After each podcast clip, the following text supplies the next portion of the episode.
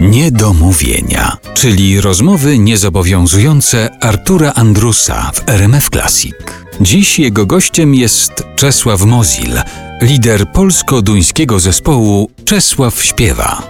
Od jakiegoś czasu zespół Czesław Śpiewa, właściwie w tym roku zespół Czesław Śpiewa krąży po naszym kraju z takim programem 10 lat w Polsce. Tak. Bo to już dokładnie 10 lat minęło od momentu, kiedy zadebiutowaliście. Tak, tak. Ja chciałbym porozmawiać z Tobą przez chwilę o tych różnych etapach Twojego bycia albo niebycia w Polsce, bo pięć pierwszych lat to jest już taki okres, z którego można coś zapamiętać, prawda? Tak, tak. Pamiętać Pewex, pamiętam y, y, Lody, pamiętam, że oglądałem E.T. w kinie. Blisko, mieszkaliśmy w Zabrzu, bardzo blisko kina Roma chyba, stare kino i, i tam oglądałem E.T. Pamiętam, gdzie się uczyłem jeździć na rowerze. Teraz stoi duży sklep y, handlowy. Jak najbardziej też pamiętam Pewex i pamiętam nawet dom muzyki i tańca w Zabrzu, bo tam tata mnie czasami brał na jakieś takie kino dla rodziców i dzieci. A jakaś muzyka z tego okresu? No to przyznam, że moja mama mówi, że była na koncercie Roszewicza i zaczęła mnie rodzić. Wzięła taksówkę, w trakcie koncertu Andrzeja Roszewicza mama pojechała do, do szpitala i zaczęła mnie rodzić. Nie mówiła w czasie której piosenki? Na Nie. przykład najwięcej witaminy mają polskie dziewczyny. Nie, nie wiem, nie wiem, ale spowodowało, że musiałam.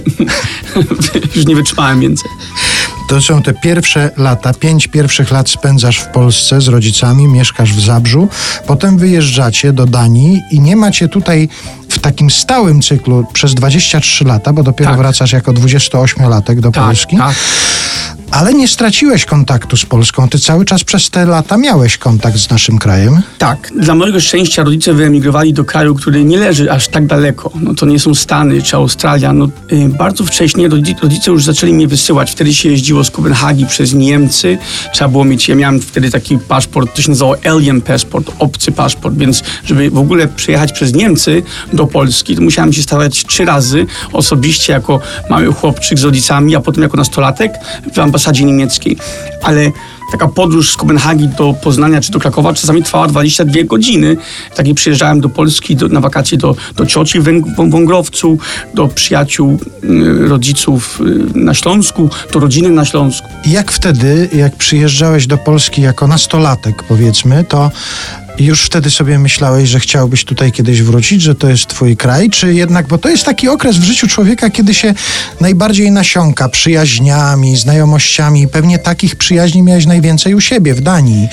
Czy wtedy brałeś pod uwagę to, że kiedyś tutaj przyjedziesz i będziesz jednak na stałe mieszkał w Polsce? Nie zanim odwiedziłem, jako 18-letni chłopak, odwiedziłem kolegę. Nasze matki się znają ze szkoły, więc jak, jak ja się urodziłem, to Michał miał już roczek.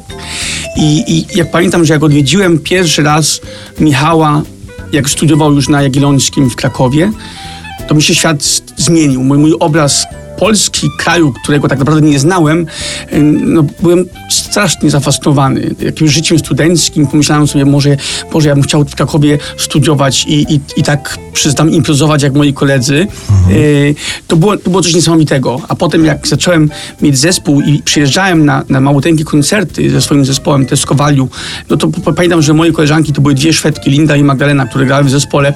One kiedyś powiedziały mi, wiesz co, ty z każdą kobietą Czesławie flirtujesz. I ja nie mogłem się zgadzać, bo ja tak, tak nie twierdziłem. A jednak mówiły, że, że za każdym razem, jak przyjeżdżaliśmy do Polski i rozmawiałem z kobietami, które mówiły po polsku, to dla mnie to było fascynujące. Czyli nagle, jak, jak abstrakcja, nagle jestem w kraju, gdzie wszyscy, wszystkie kobiety mówią tym samym językiem, co moja mama. No, przyznam, że to dla mnie było bardzo fascynujące. Logicznie, jestem w Polsce, ale ja za każdym razem, jak przyjeżdżałem do Polski potem, po, tym, po tej wizycie w Krakowie, przeżywałem to bardzo. Się chłonąłem wtedy e, nasz kraj i strasznie marzyłem o tym, żeby móc kiedyś tutaj zamieszkać.